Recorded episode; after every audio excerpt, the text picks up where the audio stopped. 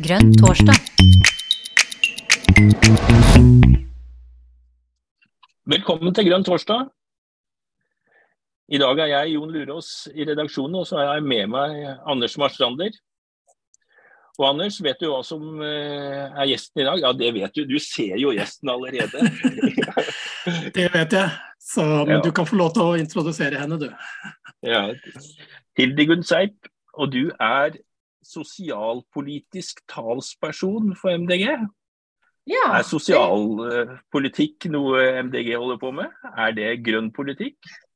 Da, Å ja, gjett om. Det finnes jo ikke ja. noe mer solidarisk parti enn Miljøpartiet, gjør det det?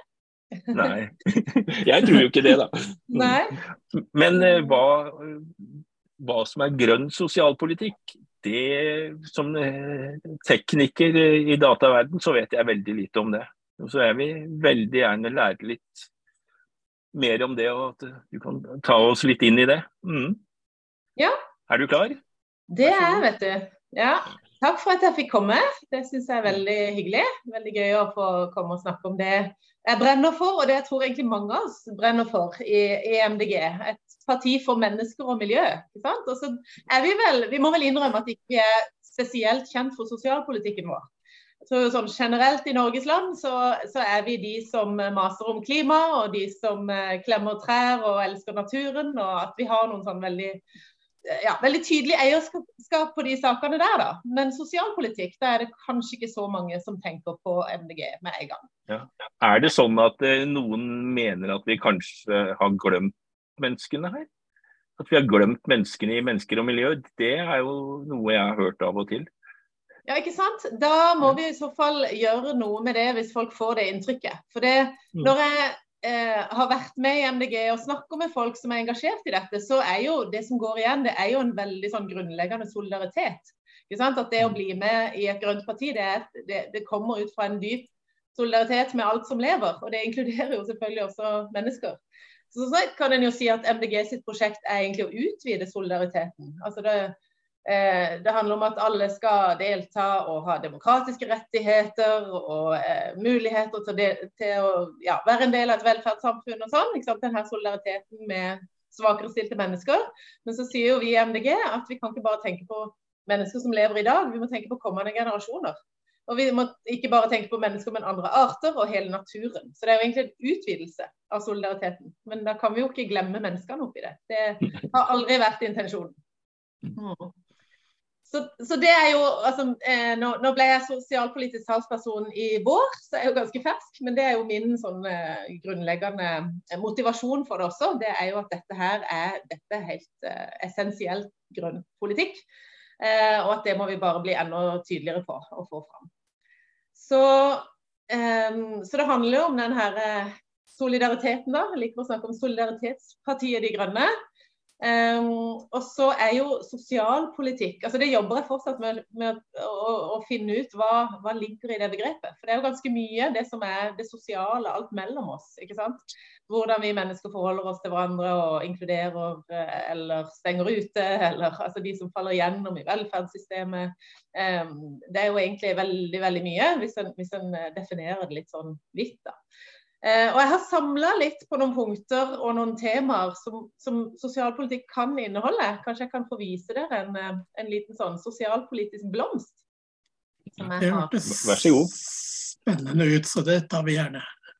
Ja. Skal vi se. Nå kan jeg kanskje se en blomst her. Ja. Og Da står det grønn sosialpolitikk i midten. og Så har jeg der samla med et tankekart, og så er det blitt flere, flere kronblader på denne blomsten etter hvert. Um, men det begynner jo med rettferdighet, tenker jeg. Altså Hvis dere ser på toppen, så står det sosial rettferdighet. Um, og så står det fordeling og bolig. Bolig kommer inn et annet sted også. Så dette er, et sånn, det er en dynamisk uh, skisse da, der jeg har samla tanker underveis etter hvert som jeg har snakka med folk um, om hvordan vi kan kan eh, få til dette her. Så rettferdighet, altså den grunnleggende solidariteten. Hvis en da går til eh, si, klokka ett, så står det jo eh, noe om denne sammenhengen mellom solidaritet og miljøomstilling. Rettferdig omstilling, står det der. Og miljøtiltak med utjevning. Og Det er jo en sånn, det der å hele tida ha med seg eh, hvis vi øker miljøavgifter, innfører bompenger eh, osv. Altså, snakker om forurenser skal betale og sånn, så er det noe med å se eh, hvem, eh, hvem, rammer det hardest, og eh, prøve da, og se om vi kan, kan, gjøre det på måter som gjør at en ikke bare kan betale seg ut av det hvis en er rik, men lider under det hvis en er fattig. Altså, det er jo ikke sånn vi vil at det skal ramme. Og Samtidig så betyr ikke det at vi skal la være å ha miljøavgifter og bompenger. Eh, for vi må gjerne fordele på andre måter. Vi må gjerne fordele gjennom skatteseddelen først og fremst. Vi har jo et skattesystem som er liksom grunnmuren i omfordelinga i samfunnet vårt. Men Hvis en fortsetter videre der, jeg skal ikke si like mye om alt her, men det står jo noe om fattigdom og levekår og oppvekst med lavinntekt. For vi vet jo at eh, forskjellene øker her i verdens rikeste land, og det har jo også mye med at de rikeste drar fra. Så Det tenker jeg også er god grønn politikk å tenke hvordan kan vi begrense. altså det, det, er på en måte grenser for hvor rik man kan være og eh, bruke midlene sine fornuftig på seg sjøl. Hvordan kan vi ramme inn det? Kanskje skal vi ikke bare tenke minimumslønn, men maksimumslønn? altså Leke litt med sånne tanker. Um, så altså, I andre enden så vet vi jo at det er alvorlig, særlig det å vokse opp med, i en familie med lavinntekt. Det kan prege eh, egentlig hele livsløpet. Så det er noe med å, å se hvordan vi fanger opp og eh, passer på da, at alle barn i verdens rikeste land får det de trenger og får være med på viktige arenaer. Så videre der så står det jo da om inkludering, meningsfull aktivitet og fellesskap. Og så har jeg skrevet ikke bare arbeidslinja, for jeg tenker at uh, Høyre og Arbeiderpartiet er jo skjønt enige om arbeidslinja og flere i arbeid, og det er sånn vi først og fremst bekjemper fattigdom. Og det tenker jeg er viktig. Men som grønt parti så har vi jo også noen andre verdier. Og så uh, tror jeg vi har egentlig noen ganske viktige poenger da, som går på at det er ikke bare mer arbeid, mer produksjon, mer forbruk, mer effektivitet osv. som er veien til gode liv. Um, og at vi kanskje er et sted som samfunn der mange kan ta ut eh, velstand da, i fritid og få bedre liv, heller enn i mer lønn eller i mer jobb og overtid osv. Så, videre. så jeg tror jo veldig på at vi må finne nye måter å dele på jobbene på. Ja, videre, der det står inkludering, står det også noe om flyktninger og gjestfrihet og mangfold. Eh, og så er vi nesten halvveis rundt, og der står det rusomsorg, rusreform og fra straff til hjelp. Det jobber vi jo med mange steder i landet, også her i Kristiansand som er lokalt folkevalgt.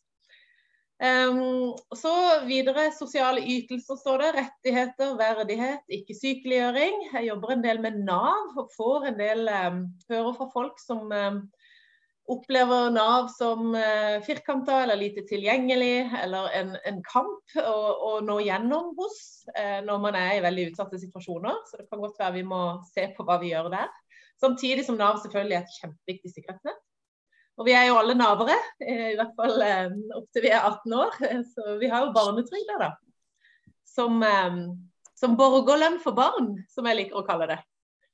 Så det, ja, jeg tenker at vi, eh, vi grønne kan godt tenke, tenke, litt nytt, sånn som vi er gode på. Det der med å se ja, vi har gjort det på en måte, vi skal ta vare på alt det gode, men vi kan også tenke annerledes. Hvis dere ser nesten på toppen, altså klokka 11, så står det borgerlønn. Eller grunninntekt og økonomisk trygghet. Og Det er jo også noe vi i MDG ønsker pilotprosjekter med, og, og teste ut noen ordninger med.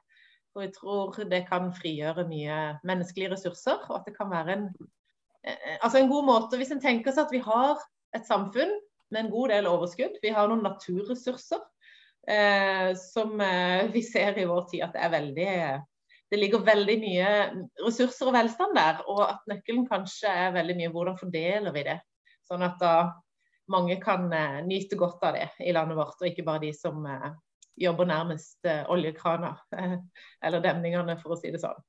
Så det er noen sånne litt andre tanker da, rundt ja, en skal jobbe og produsere og fortjene sånn sett sin lønn, men eh, hvordan kan vi også skape et samfunn som da inkluderer alle? Og kanskje kan vi faktisk tjene på som samfunn på sikt, og sørge for at alle har økonomisk trygghet i bånn. Eh, selv om mange tenker at borgerlønn er ikke det veldig dyrt. Ja. Så det var noen Nå um, hoppa jeg opp dit. Eh, da har jeg hoppa over skal vi se, oppvekstvilkår, barnevern, familieråd og nettverksarbeid. Grønne måter å tenke omsorg og oppvekst på. Hvordan kan en styrke laget rundt barn og unge? Jeg tenker jeg noen stikkord der. Ja, Så står det videre om folkehelse, også psykososialt, hvordan vi kan bygge helsefremmende lokalsamfunn. Eh, sosial boligpolitikk og boformer som styrker fellesskap. Eh, la folk møtes på tvers og dyrke parsellhager sammen og dele på festlokaler og sånn. Eh, har jeg tro på der. Og så står det også noe her om framtidas velferd. Eh, og der er det jo veldig mange stikkord en kan ta med, men der har jeg skrevet kortreist, nærmiljø, og det å mobilisere nettverk og frivillige. Altså nå var jeg rundt her, og så får jeg av til spørsmålet hva er så spesielt med grønn sosialpolitikk i forhold til annen sosialpolitikk. Og det er klart det er ganske mye vi kan være enige med mange andre partier om når det gjelder dette. For vi har en ganske brei konsensus da, i det norske politiske landskapet om at vi skal ha et velferdssamfunn som eh, inkluderer og tar vare på mennesker i ulike situasjoner og livsfaser. Um, så vi skal ikke kaste bort det og finne på noe helt annet. Um, men jeg tror vi har, uh, vi har noen sånn genuint grønne ideer da, som jeg tror kan styrke også det velferdssamfunnet vi har. Og så tror jeg vi er litt fristilt. sånn som når du tenker at, Hvis du tenker på at høyresida gjerne uh, løfter fram private løsninger, uh, venstresida løfter fram offentlige løsninger.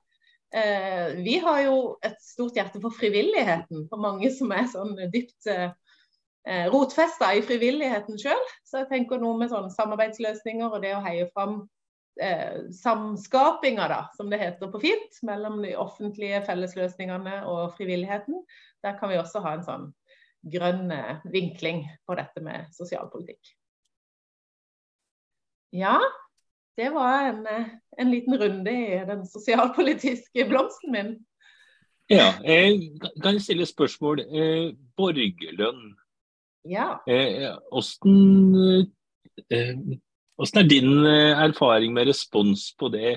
Jeg har liksom litt følelse av at folk ikke skjønner det.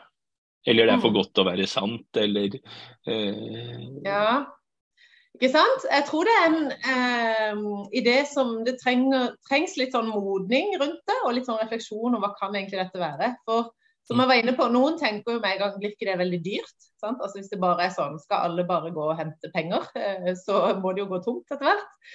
Mm. Um, en, og en annen respons er ja, men kommer folk til å komme seg opp om morgenen da? Altså litt, det kommer jo, da kommer jo menneskesynet også litt fram. Sant? Altså Hva tror vi at folk gjør hvis de får en sånn større frihet ut fra dette her?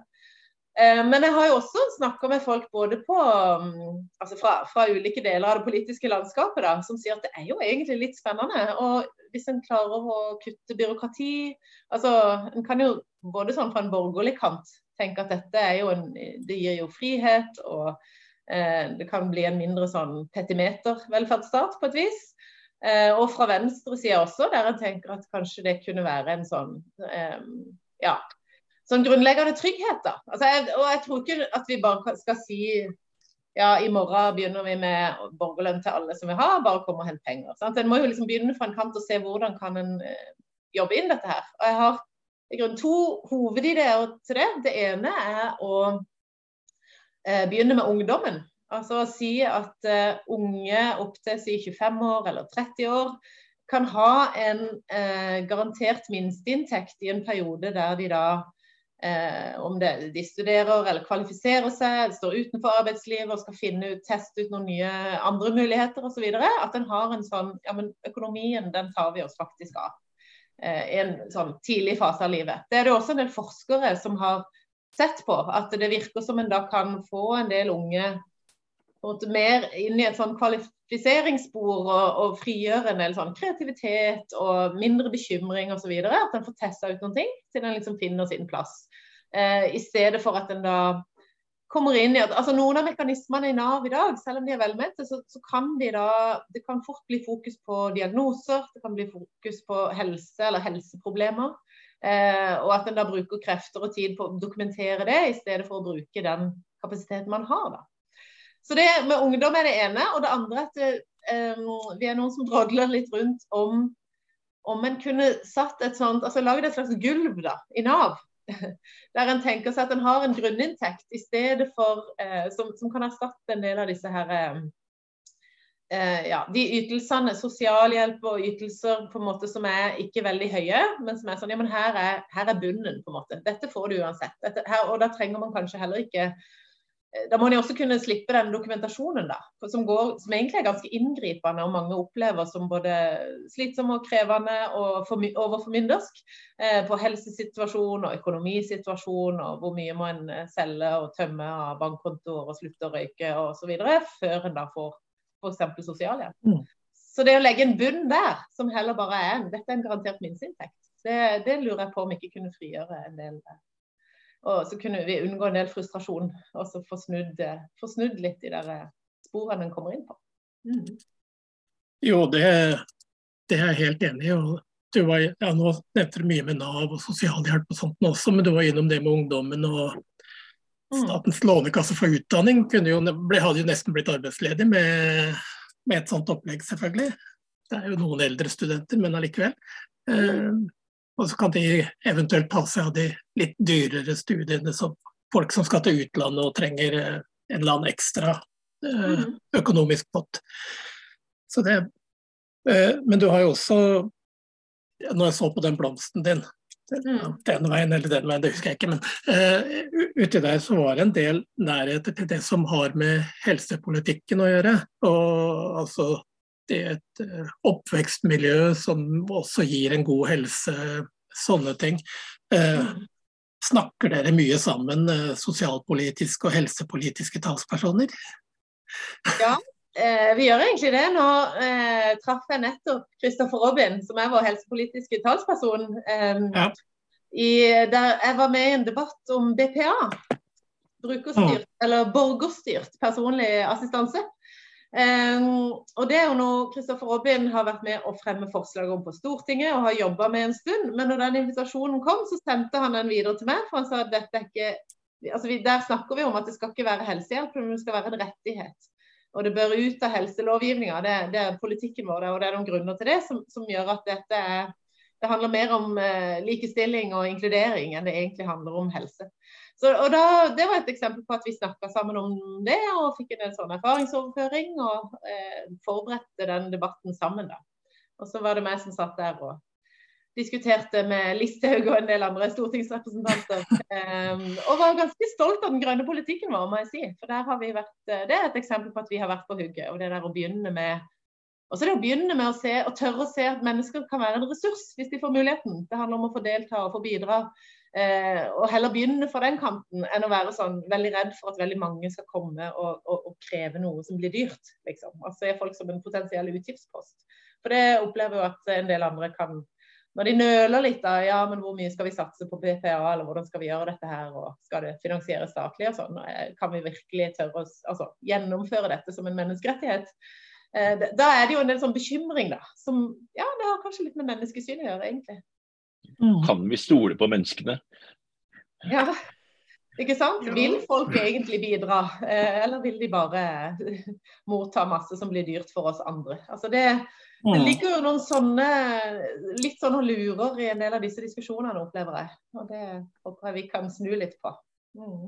Jo, jeg blir konfrontert med den stadig vekk, jeg også, når jeg begynner å snakke om borgerlønn og grunnlønn og ja, ulike begreper som i praksis er mye av det samme. Eh, men jeg, jeg har kikka deg litt i kortene, da. Eh, følger med på Facebook og sånt. Vet du. Det er jo ja, ikke, moderne, vil jeg kanskje ikke kalle det, men eh, jeg ser at du har begynt å Eller at du har annonsert og prøver å samle et sånt lite nettverk rundt deg. Altså knytta til det å snakke med andre. Så det, betyr det at dere er i ferd med å utvikle Altså drive med politikkutvikling like mye som det å bare stå opp og være talsperson? Ja, jeg håper jo det. Ehm, for også som talsperson, så altså Jeg får jo snakka med folk og vært med på arenaer der jeg tenker ja, hvordan skal vi ta dette videre? Og hvordan skal vi videreutvikle politikken vår på dette her? Eh, og da er det jo det er jo sosial av meg som har personlighet også. Og i sosialpolitikkens natur tenker jeg det ligger at dette må vi få til sammen. Så jeg prøver å samle, samle et nettverk og ha noen ideer til å begynne med noen sånn digitale treff. Kanskje litt på kveldstid, litt på dagtid, sånn at folk rundt i landet og med ulik kapasitet og ulike livssituasjoner kan være med og diskutere og lage grønn sosialpolitikk. Så det håper jeg vi kan komme i gang med ganske snart. Mm. Så hvis noen vil være med, er det bare å ta kontakt. Ja, jeg ga deg den, jeg, jeg ga deg den uh, pasningen der, sånn at du kunne få reklamere litt for det der. Mm. jeg vet det. Uh, ja, og jeg var litt imponert over måten du uh, annonserte det på, med akkurat det den sosialpolitiske tilnærmingen med at ja, noen møter på formiddagen, andre på ettermiddagen, og sånn at alle kan få anledning til å være med. For det er jo en kjensgjerning at folk er i ulike livssituasjoner. og det er bare en tilfeldighet at jeg kan akkurat nå, f.eks. Mm, ja, ikke sant. Og det er noe vi har jobba med. altså Vi prøver jo å ta, ta um, videre den her UNE-bølgen, skal vi kalle det det. Sånn at UNE nå trakk seg som partileder og satte fokus på dette her med at uh, vi må jo leve også, på en måte. Altså Det kan være familie, det kan være andre ting som Eh, altså Nå står jo hun i en eh, supertøff jobb som stortingsrepresentant ennå, og er småbarnsmamma. Men det der med hvordan politikken da også kan eh, inkludere og være, være et, eh, ja, en arena for mange i ulike situasjoner, også om en ikke har 100 eller 130% kapasitet, som noen sa. Eh, at det skal, det skal være, med, være, mulig å være med noe da, og bidra med det en kan. Så det er jo mm. Det er jeg opptatt av. Vi, vi, tar en runde på det her i Kristiansand nå, med om vi skal ha bystyremøter på dagtid og sånn. Det er ganske spennende diskusjoner. Mm. Er, for, for, at vi skal ha legitimitet og sånn, så må jo flest mulig grupper være med. Mm. Og sånn er det jo ikke i dag. Det er jo mye en arena for uh, sånne som Anders og meg. Mannfolk som har bikka 50 og litt til. Ja. Det er nok det. altså Likestillingssenteret på Hamar som har gjort en undersøkelse med det er vel 145 kommuner, de har jo funnet det. At den, den typiske kommunestyrerepresentant er mann 50 pluss. Mm. Eh, og så er det jo da, Hvis du spør i kommunestyret skal vi flytte på møtene våre, så kan det jo godt være at kommunestyret sier nei, hvorfor det? Fordi at de som sitter der, de, de kan jo da. ikke sant?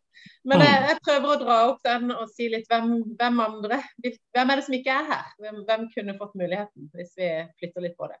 Så dag- og kveldstid er jo én ting, også det å bruke digitale møter, nå som vi har lært oss mer om det, kan jo også gi flere muligheten til å være med.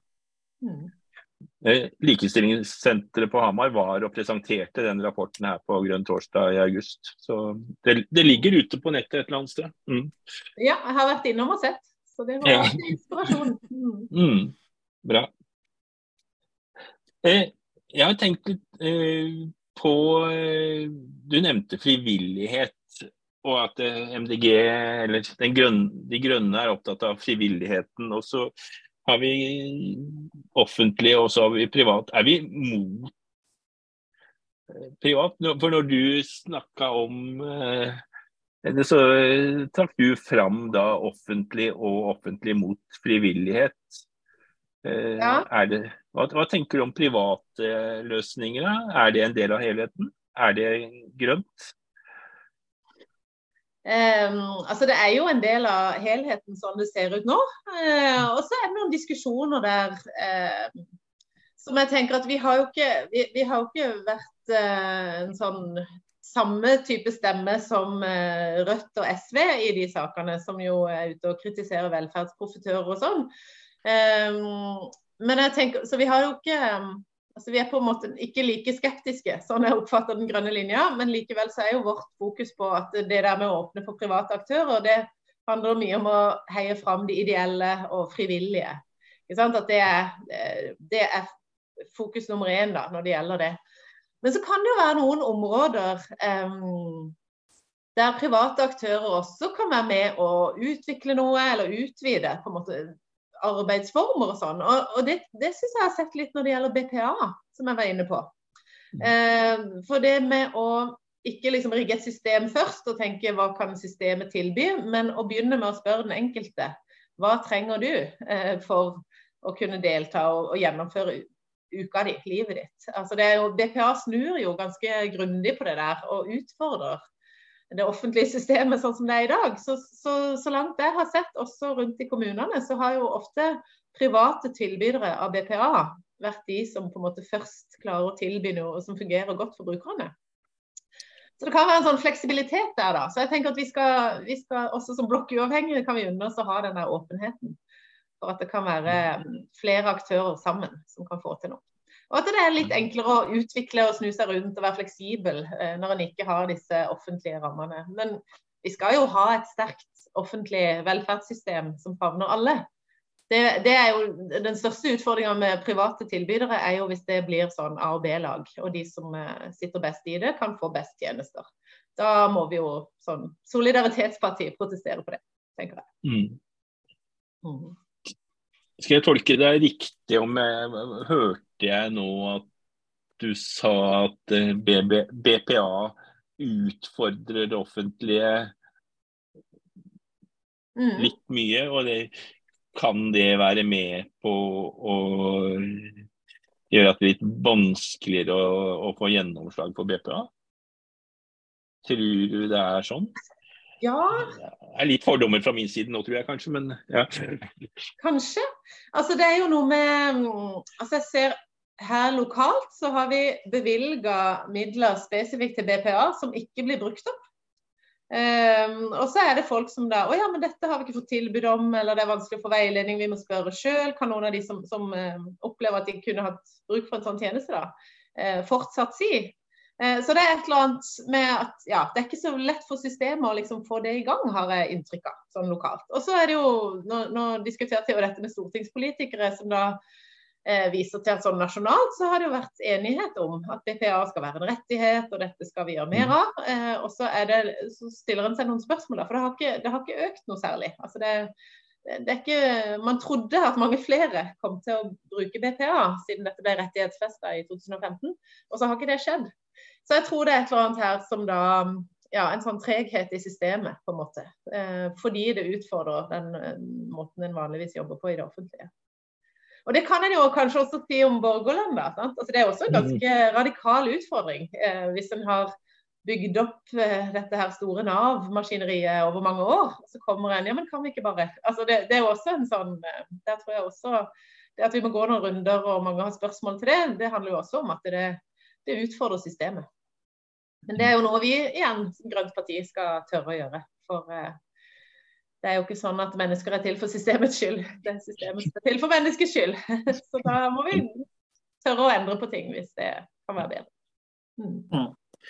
Det er i og for seg riktig det med hvem som er til for hvem mellom system og mennesker, men, men litt for mange ganger så er det sånn at jeg, men systemet er sånn, så du må bare tilpasse deg. At det er meldinger av den typen man får tilbake, og det er jo det er vel ikke helt der vi ønsker å være, for å si det sånn litt enkelt. Nei, det vil jo vi veldig gjerne snu på. Og det tror jeg jo er mye av altså som jeg sier, Vi skal jo være takknemlige for Nav, men mye av den frustrasjonen som en hører om der, eh, og de vanskelige historiene, det er jo da mennesker i veldig sånn utsatte, sårbare situasjoner der man har lite overskudd og kapasitet til å liksom forholde seg til et sånn system, og som opplever det som en møter en slags sånn vegg. at sånn Sånn er det bare. og ganske sånn, Både vanskelig språk og mange paragrafer. og altså Veldig sånn pakka mm. inn i et sånn, en, en sånn systemmur som en stanger hodet i, får en jo mange sånne beskrivelser av. Så der er det jo et eller annet en må, må prøve å snu på. Ja, vi må ikke ta den for langt, for Anders jobber nemlig i Nav. Da. Jeg tenkte jeg skulle, jeg skulle, legge til det at jeg kjenner Nav eh, litt fra innesiden. Men, men jeg jobber på IT-siden, da, men jeg er borti veldig mange av eh, systemene og, og, de problemstillingene.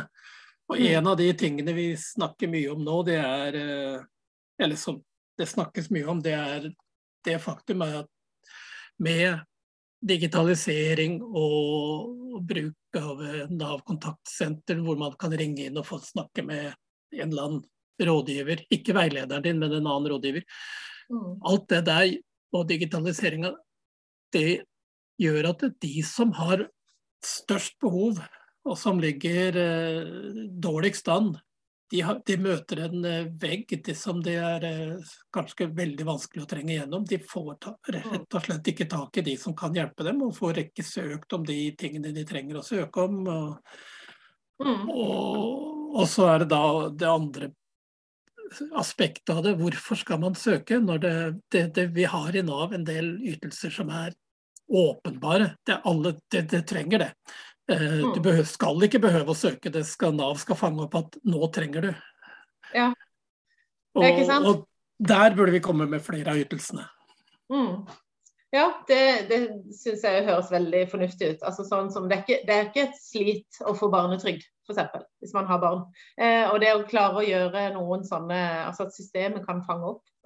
Mm. Men det, altså, jeg snakker jo godt med folk som jobber i Nav her rundt meg også, så er ikke, man er jo ikke mot Nav, tenker jeg, om man sier at hva er det som, hva er det som skjer når noen opplever det som så vanskelig? så er jo det ja, Og jeg har også hørt det der med at altså, Nav.no kan jo fungere kjempegodt for mange. Men så kan det være noen av de som aller mest trenger eh, å bli møtt med et vennlig blikk, eller et menneske som kan på en måte veilede dem gjennom, og sånn, som da syns det er veldig vanskelig tilgjengelig. Det er å få tak i de folka. Så det er også noe vi, vi må se på. Ja. ja. Mm. Jeg, jeg sitter jo da i kommunestyret i Løten. Og det er jo nå snart budsjett, og eh, jeg lurer jo på noen eh, Hvilket handlingsrom har jeg, og hva, hva, Er det noen ting du vet at eh, det, det, i en sånn liten kommune. Det er ikke, Løten er ikke en veldig liten kommune i norsk sammenheng, men uh, i forhold til Kristiansand så er vi, er vi, jo små. Men det å fått noen tips knytta til det, og så gjerne også uh, Det er jo mange som sitter nå i programarbeid både på kommunenivå og, og, fylkesnivå. Kunne vi hoppa litt over på det, det sporet? Mm. Så, ja, Gjerne det. Altså det er jo eh, For så Noe av den her omfordelinga vi har snakka om til nå, mye av det legges jo premissene for nasjonalt. ikke sant? Sånn Skattesystemet og Nav for så vidt. og veld, Veldig mye er jo sånne nasjonale ordninger. Eh, så det er jo et spørsmål hva en kan gjøre. Hva er handlingsrommet lokalt? Og da, altså For noen år siden så eh, en kan kanskje se på noen av disse stønadene og sosialhjelpssatser og sånn, og følge opp det også lokalt. Men der ligger det jo noen rammer. Eh, og For noen år siden så jobba vi f.eks. i Kristiansand med å få igjennom at ikke sosialhjelpa skulle avkortes mot uh, barnetrygda. Men nå er vel det blitt et uh, fastsatt nasjonalt, at det kan man ikke drive med lenger. Men sånne ting har en jo kunnet følge opp også lokalt, da. Men ellers så tenker jeg at mye av det Men, men kan jeg få et spørsmål på ja. det? Fordi at det jeg fikk høre i Løten, og jeg tok opp den problemstillingen, mm. det er det at økonomien til den enkelte vurderes helhetlig. Ja. Og når du vurderer det helhetlig, så hvis du da fjerner barnetrygda eller legger den til, så vil det også påvirke vurderinga. Eh, ja. Så da ble Hva skal jeg svare da, tenkte jeg. Ja, Hvis du skjønte den problemstillingen. Ja, men det, det, kan jo være at en skal stille et spørsmål til, da, eller gå litt sånn nærmere etter i sømmene. Um, for det, altså Hvis en da tenker at ja, men det, man får barnetrygd, men den går jo til barna, og så tar det med en helhetlig vurdering, da trenger du ikke, da, da avkorter man eller da, da, reduserer man jo kanskje ikke sosialhjelpa i forhold. Men det, men det, var jo et litt sånn vagt svar, vil jeg si. Så godt jeg ville ha spurt en gang til, kan du si, vise meg konkret hva det betyr. Hvis man f.eks. Mm. har et sånn og sånn behov og tre barn med barnetrygd. Så mm. bare for å sjekke da at ikke, at ikke det ja, gjøres. For, for, hvis vi holder på at barnetrygden den er til barna, eh, sånn at den skal ikke det er, ikke, det er ikke den som skal utgjøre en del av foreldrenes økonomi, da, eh, kan vi jo si. Som et motsvar på det. Mm. Mm. Takk. Men, men eh, ellers sånn eh, lokalt så tenker jeg at noe av det vi eh, virkelig kan få til en del på, det er jo å ha gode sånne dele- og utlånsordninger og fellesordninger. altså der Passe på at det er arenaer og, og muligheter som alle kan delta på. Eh, og sånne gode grønne løsninger som altså biblioteket, som vi jo er veldig glad i. Og altså kan en tenke bibliotek for mye mer enn bøker. ikke sant? Utstyr, symaskiner osv. kan en utvide det biblioteket tilbyr. Sånn at mange, Det er jo også sånn eh, i forhold til forbruksreduksjon eh, gode grep, men det vil jo da være viktig for de som, eh, som trenger tilgang til sånt og kanskje ikke har det hjemme. Så det, det, er viktig både for de med lavinntekt og for hele samfunnet. At ikke alle må ha eh, sine egne spesialverktøy og sånn. Um, og en sånn ordning som BUA, eh, som har fritidsutstyr og turutstyr og skøyter og telt og sånne ting. Eh, der kan en se på finansiering, og er det tilgjengelig? Her i Kristiansand lurer på om vi burde ha en filial til, osv. Så, eh, så tenker jeg også at eh, kollektivtransporten og det å se på kan en eh, Vi jobber f.eks. med å forbedre familierabatter, eh, sånn som de akkurat har utvida i Oslo også. Um, og billigere buss for alle, sånn sett. Sant? Og det er jo en del av disse her altså En del av de tingene vi jobber for som grønne politikere, det vil jo da komme altså Når vi snakker om allemannsretten, f.eks. At man skal ha grøntområder og natur tilgjengelig, og, og sånn, så er jo det noe som vil komme alle til gode. og Der, der opplever jeg at vi egentlig veldig ofte står på den sida eh, til dette skal alle ha tilgang til, og ikke bare de som har god råd. Så det er jo eh, det der med å gjøre mye tilgjengelig for alle, det, det har jeg tro på som sånn lokal grønn sosialpolitikk. Mm. Um, ja, vi har jo andre Nå har det jo handla mye om strøm, f.eks. Um, vi ønsker jo nasjonalt da, å få til en sånn strømbonus til alle. og sånn, og Så er det jo gjerne et spørsmål hva kan en få til i, i budsjett. Eh, her hos oss har vi bl.a. jobba med å løfte dette med enøktiltak i kommunale boliger.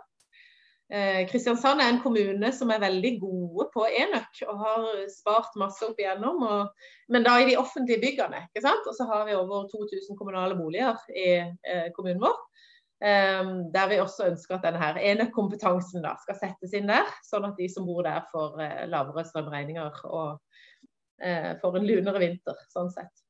Så det er jo igjen en sånn, det å se om en kan, kan uh, ja, gjøre um, også det med sånn strømsparingsrådgivning, enøkrådgivning tilgjengelig. Kanskje noen sånne mer sånn lavterskel eller små støtteordninger da, i forhold til det som ikke er stort nok for Enova til å støtte. Altså varmepumper og tette lister. og så Ta det liksom ned på et sånn veldig overkommelig nivå. da, Sånn at det ikke bare er de med stor villa eh, og totalrenovering som får støtte.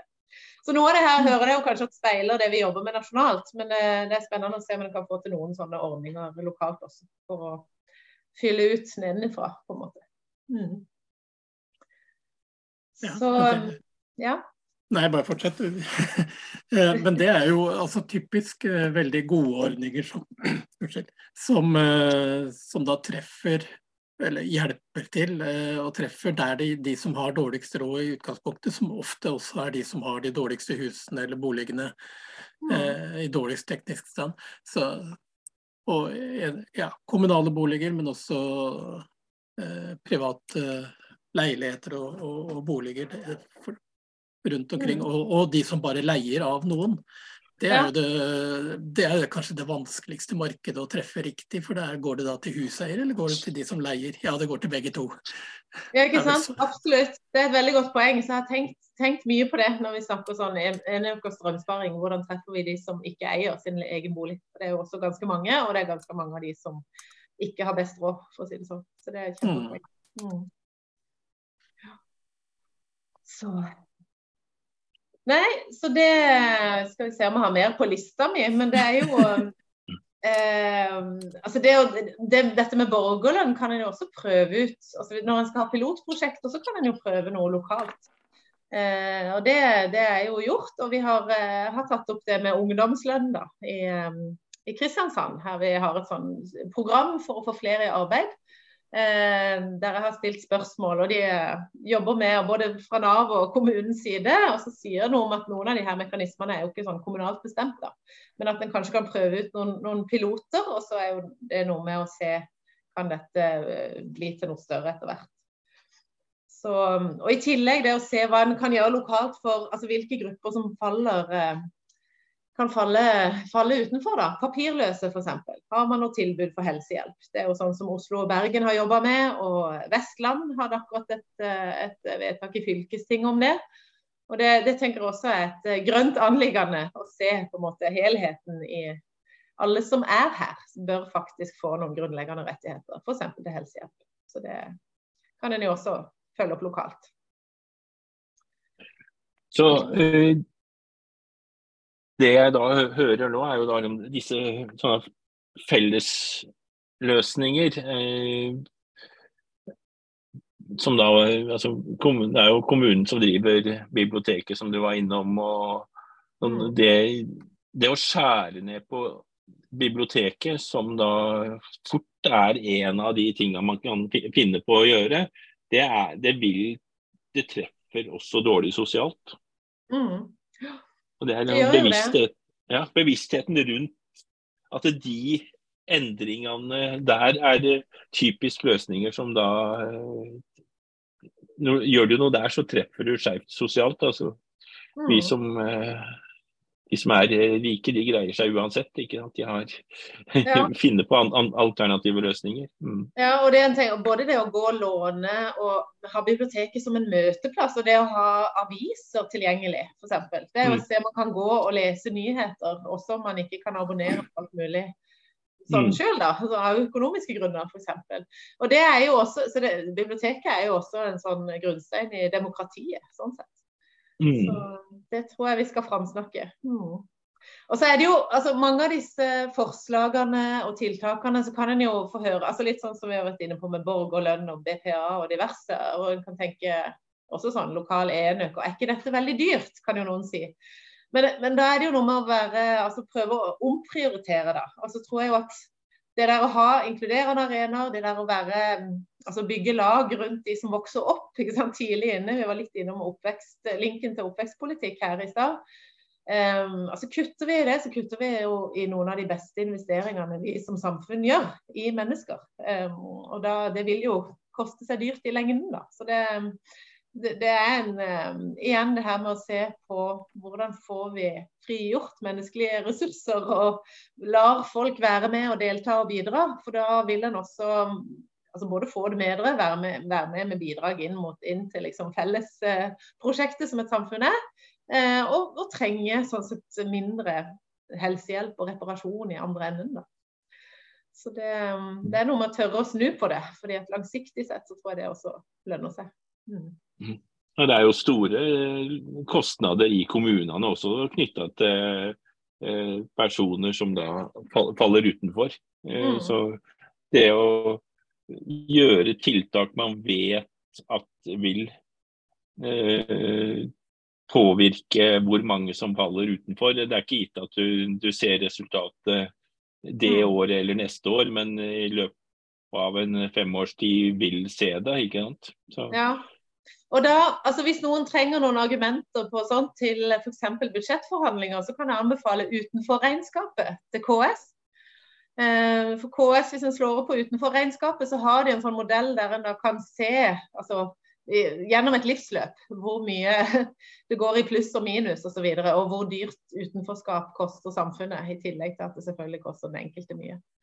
Så det er et lite sånn tips hvis en argumenterer med noen som snakker mest i kroner og øre. Så, så mm. kan en vise et litt mer langsiktig regnestykke der. Mm. Er begrepet utenforskap stigmatiserende? ja, godt spørsmål. Det er jo mye, mange av de her eh, ordene vi prøver å bruke som er sånn, de kan jo ofte ha en skyggeside, for å si det sånn. Det sånn skal man snakke om sårbare mennesker, eller mennesker i sårbare situasjoner, eller utsatte, eller altså livsfaser. Jeg liker av og til det der med å, å få fram at eh, vi kan jo alle være utsatt, og alle er jo altså, Å være menneske er jo å være sårbar.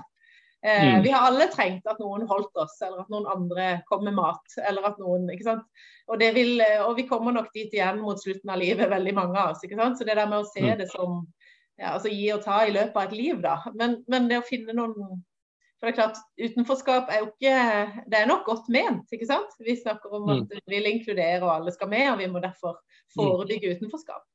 Men det er klart, det, det skal jo også være rom for å leve ulike slags liv, tenker jeg. Mm. Litt sånn som naturen har eh, plass til tusen blomster og litt rot og litt sånn og litt sånn. Og, så, mm.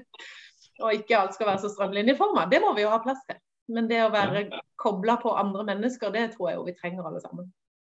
Mm. Det er jo tistler og brennesle ute i naturen, så da ja, Ikke sant. Hører også med. Mm. Og bier og humler, og til og med mygg har vel en eller annen rolle. Selv om eh, noen har stussa litt på det med mygg. Ja, hva tror du om flåtten? Men jeg har en god kollega som er biolog, da, så da kan jeg ofte få høre litt sånn Ja, men det henger jo sammen med og der. ikke sant? Det er jo, det er jo et økosystem her også. Det, det, har jeg egentlig også lyst til å ha med inn i sosialpolitikken. Denne økologiske tankegangen. Der vi ser mm. ikke bare på enkeltindivider med krav og rettigheter og helseproblemer og sånn, men, men, hvordan kan vi styrke økosystemene sånn, og relasjonene i et lokalsamfunn. da, For det er jo, det, alt liv er jo samliv. Både menneskelig mm. og med naturen. Så det tror jeg vi kan ta med oss inn i sosialpolitikken også. Nei, Jeg spurte jo litt om eh, også programpunkter, men eh, det er vel sånn det henger, Budsjett og programpunkter henger jo veldig sammen, da. Så det er jo liksom noen mm. Det er, ting, det er eh, ting, her man kan jobbe for over tid, og så er det ting man da eh, kan ta med konkret inn i budsjettet. Og så er jo dette også Man jobber jo litt forskjellig med budsjett rundt omkring i, i kommunene her i Løten så har vi noe sånn der, som vi kaller utviklingspunkter. Eh, ja. sånn, og det kunne jo da være, være, noe av det du var inne på her. Liksom, at det jo er det hva, hva kan vi, Hvordan kan vi gjøre det, det og det punktet bedre? Altså, mm. Kan vi ha flere bibliotekløsninger? altså Flere ting som vi kan hjelpe til å altså, hvis vi kan bruke begrepet 'de trengende'. Det hørtes veldig gammeldags ut, spør du meg. ja, det, ja, nei, og, det, og, noe av dette har jeg like mye på blokka til programarbeidet jeg sitter med, både i Kristiansand og Agder. Så kan jo liksom mm. porsjonere det ut. Og så er det jo det der med hva altså Til budsjett blir det jo veldig ofte sånn hvor mye koster det, og hvor skal en flytte penger fra og til og sånn. Mm. Eh, men det der med at det ikke bare skal bli dyrere, men at det også handler om en omprioritering. Det kan en jo se f.eks. For i forbindelse med rusreformen. da, Når en snakker om fra straff til hjelp. altså Der grubler jeg bl.a. på hvordan en da altså må også frigjøres noen ressurser når politiet skal jobbe annerledes. Og, og kanskje da hanke inn færre for eh, bruk og besittelse til egen bruk av rusmidler. Eh, og hvordan kan en da få på en måte flytta noen ressurser og noen midler Eh, over til hjelpesystemet og til forebygging osv. Og der kommer igjen det der med jo tidligere en kommer inn, jo bedre. Og kanskje det da er lærere og helsesykepleiere og sosialarbeidere eller ungdomsarbeidere. Jeg har lurt på her i byen f.eks. Trenger vi flere ungdomsarbeidere som ikke bare er på hver sin fritidsklubb, men litt mer ute i gatene eller der ungdom samler seg og sånn. Så da, da håper jeg jo at det går an å få til det med å flytte ressurser og jobbe på en litt annen måte og ikke bare jobbe veldig mye dyrere. For det er ikke målet der. der altså, I ruspolitikken tror jeg det er en grunnleggende holdningsendring som skal til. At en møter hverandre som mennesker på en annen måte, da, i, stedet for at det blir der, der, er det jo også et stort tema, det her med stigma. Og hvordan eh, Mange som har pekt på hvordan vi som samfunn har på en måte eh, godtatt at eh, en har omtalt og behandler rusmisbrukere som, eh, som liksom noen helt andre enn oss vanlige folk. Og det er jo ikke sånn. Altså Rusbruk skjer jo mange steder på mange måter. Og det der å liksom gå litt sånn ærlig inn i det, si at dette er noe vi må forholde oss til. Hvordan kan vi best forebygge og redusere skader? og eh, snakke med og de det gjelder, og være, ja, altså ha en mer sånn eh, menneskevennlig ruspolitikk. da. Det, det, er jeg opptatt av. Så det, det, er også et uh, innspill til å ta tak i lokalt, om en vil. Mm. Eh, det er jo veldig tydelig for meg, og sikkert for Jon også, og alle de som kommer til å se dette etter hvert, at du er, dette er du engasjert i, dette er litt lidenskap. Og da, og Vi må snart gå inn for landing her. og Jeg har lyst til å avrunde de siste få minuttene med hvem er Hildegunn Seip? Hva er det som har gjort at hun er blitt så engasjert i alt dette her? Hvordan, hvordan kom du dit? Ja, ikke sant? Det er et veldig godt spørsmål. Um, Si det. Altså, jeg har jo vært, eh, jeg har vært engasjert så lenge jeg kan huske, selv om jeg ikke har vært med i partipolitikk eh, mer enn de siste, siste årene. Um, men jeg husker jo sånn sett fra Kanskje det, noe av dette begynte da jeg var ti år og flytta fra bygda til byen og følte meg litt utenfor og litt rar. liksom, og Bare sånne sosiale mekanismer en liten følelse av utenforskap, selv om jeg ikke skal overdrive det veldig. da. Men det var jo det, det var, ja, en erfaring av liksom måtte jobbe seg inn i noe. Og sånn. Jeg, og jeg henter fram noen sånne erfaringer. Jeg har bodd i noen andre land også. og tenker at det der å komme, komme til et nytt land f.eks. og ikke kunne språket og ikke kunne kodene og ikke ha nettverk og sånn. altså jeg skal ikke overdrive hvor mye jeg har kjent på det sjøl, men jeg tror jeg har noen erfaringer og, og kjenner noen som kanskje har levd enda mer med det og i sånne situasjoner, som, som gjør at det har, det har brent veldig for. da, på en måte Å se den der hvordan kan en, For det skal ofte ganske lite til å inkludere og ta med noen inn. Men en trenger ofte det der litt sånn utenfor blikket for å oppdage det. Eh, så det er jo kanskje noe av det jeg har hatt med meg. Og så har jeg jo vært frivillig engasjert da i eh, Changemaker og menighetsliv og Natur og Ungdom og sånn opp igjennom. Og så kom det noen eh, bort til meg i 2015 og sa er det ikke synd at ikke vi kan stemme grønt her i kommunen vår. det, det, kanskje noen skulle stille en liste, og da måtte noen tørre å stå på toppen. Og, så, ja. og det var ikke Kristiansand? Nei, det var i Sogndalen kommune. Mm. Ja, som, som, som nå da er en del av nye, store Kristiansand fra 2020. Så jeg har sittet en periode i Sogndalen kommunestyre. Et eh, jovialt, hyggelig lite kommunestyre på 25 stykker, der jeg var den ene grønne. Og nå sitter jeg i en litt større gruppe i et ganske mye større bystyre i Kristiansand og prøver å navigere i det. Jeg har lært mye av begge deler. Ja. Men er det ikke sånn at dere skal splitte opp igjen? Ble det ikke til det, eller var det sånn at man ikke har bestemt seg helt? Det er jo eh, ganske så uavklart. Så nå vi, vi prøver vel å konsentrere oss om eh, jobben vår nå som vi en gang sitter og skal gjøre det beste ut av det å være Kristiansand. Da. Eh, nå ligger den saken hos Statsforvalteren, som skal se på konsekvensene av en eventuell oppsplitting. Um, og så får vi vel uh, noe tilbake til bystyret på nyåret, men det er ikke bystyret som har bedt om det. By bystyret har jo sagt nei til oppsplitting. Um, og så har regjeringa sagt uh, at kanskje. I samarbeid med en aksjonsgruppe i Søgne og litt sånn. Så det er en, det er en rimelig spesiell prosess, da. Men um, vi får ta den når den kommer. Og jeg har jo hatt, jeg har levd godt både i Sogndalen og Kristiansand kommuner, så det er ikke det. Men det er jo, jeg, jeg håper jo det er litt begrensa hvor mye tid og krefter en skal bruke på sånne omorganiseringsprosesser, må jeg jo si. For det er jo så mye annet vi, vi egentlig kan bruke tida på, både for mennesker og miljø. ja. Det er vel det MDG rundt omkring har ment også eh, i forhold til de reverseringsprosessene. at eh, jo, Det er ikke sikkert at vi var for det opprinnelig, men eh, det å gjøre det enda en gang gjør det i hvert fall ikke noe bedre. Mm. Mm. Nei, vi har nok andre ting jeg heller eh, vil legge engasjement i, hvis jeg får, hvis jeg får lov. Mm. Hadde du noe mer, Anders? Noe mer gravende i Hildegunds uh, bakgrunn? Gravende journalistikk? Nei da, uh, du skal få slippe unna det. Uh, ja, det er godt å være blant venner. ja. Vi er vel i ferd med å, å lande nå, er vi ikke det, Jon? Er... Jo, jeg, jeg, har fått med meg flere tips til budsjett eh, og til programarbeidet. Så, og det, det var mitt mål, hovedmål, i tillegg til å lære litt mer om uh, grønn uh, sosialpolitikk. Da, og, uh, veldig bra med den blomsten. Og så er vel den, den er vel ikke helt ferdig, vil jeg tro. at det er arbeid Nei. Nei da, altså den er vel som, eh, som blom, blomster og planter flest, at den stadig kan vokse og utvikle seg og få noen mm. nye frø og kronblader og sånn. Så det må jeg jo si at dette, jeg syns dette er veldig gøy å jobbe med, men noe av det gøyeste er jo når folk tar kontakt eller jeg treffer folk som er opptatt av dette, som har nye ideer og innspill, eller som er med og liksom videreutvikle sosialpolitikken vår. Så igjen kan jeg jo legge den der invitasjonen da, til å ta kontakt med meg, eller bli med på noen av de her treffene framover. Mm. Og Da ligger kontaktinformasjonen min på mdg.no, politikere. Mm. Så eh, ja, det er veldig hyggelig å høre fra noen som også brenner for dette. Mm. Det syns jeg var en ganske grei eh, avslutningsreplikk med at ta kontakt.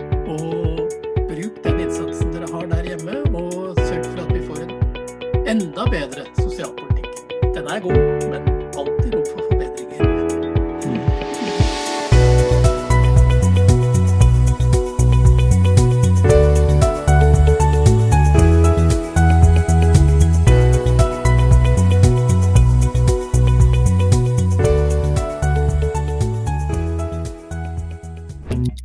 Grønn torsdag.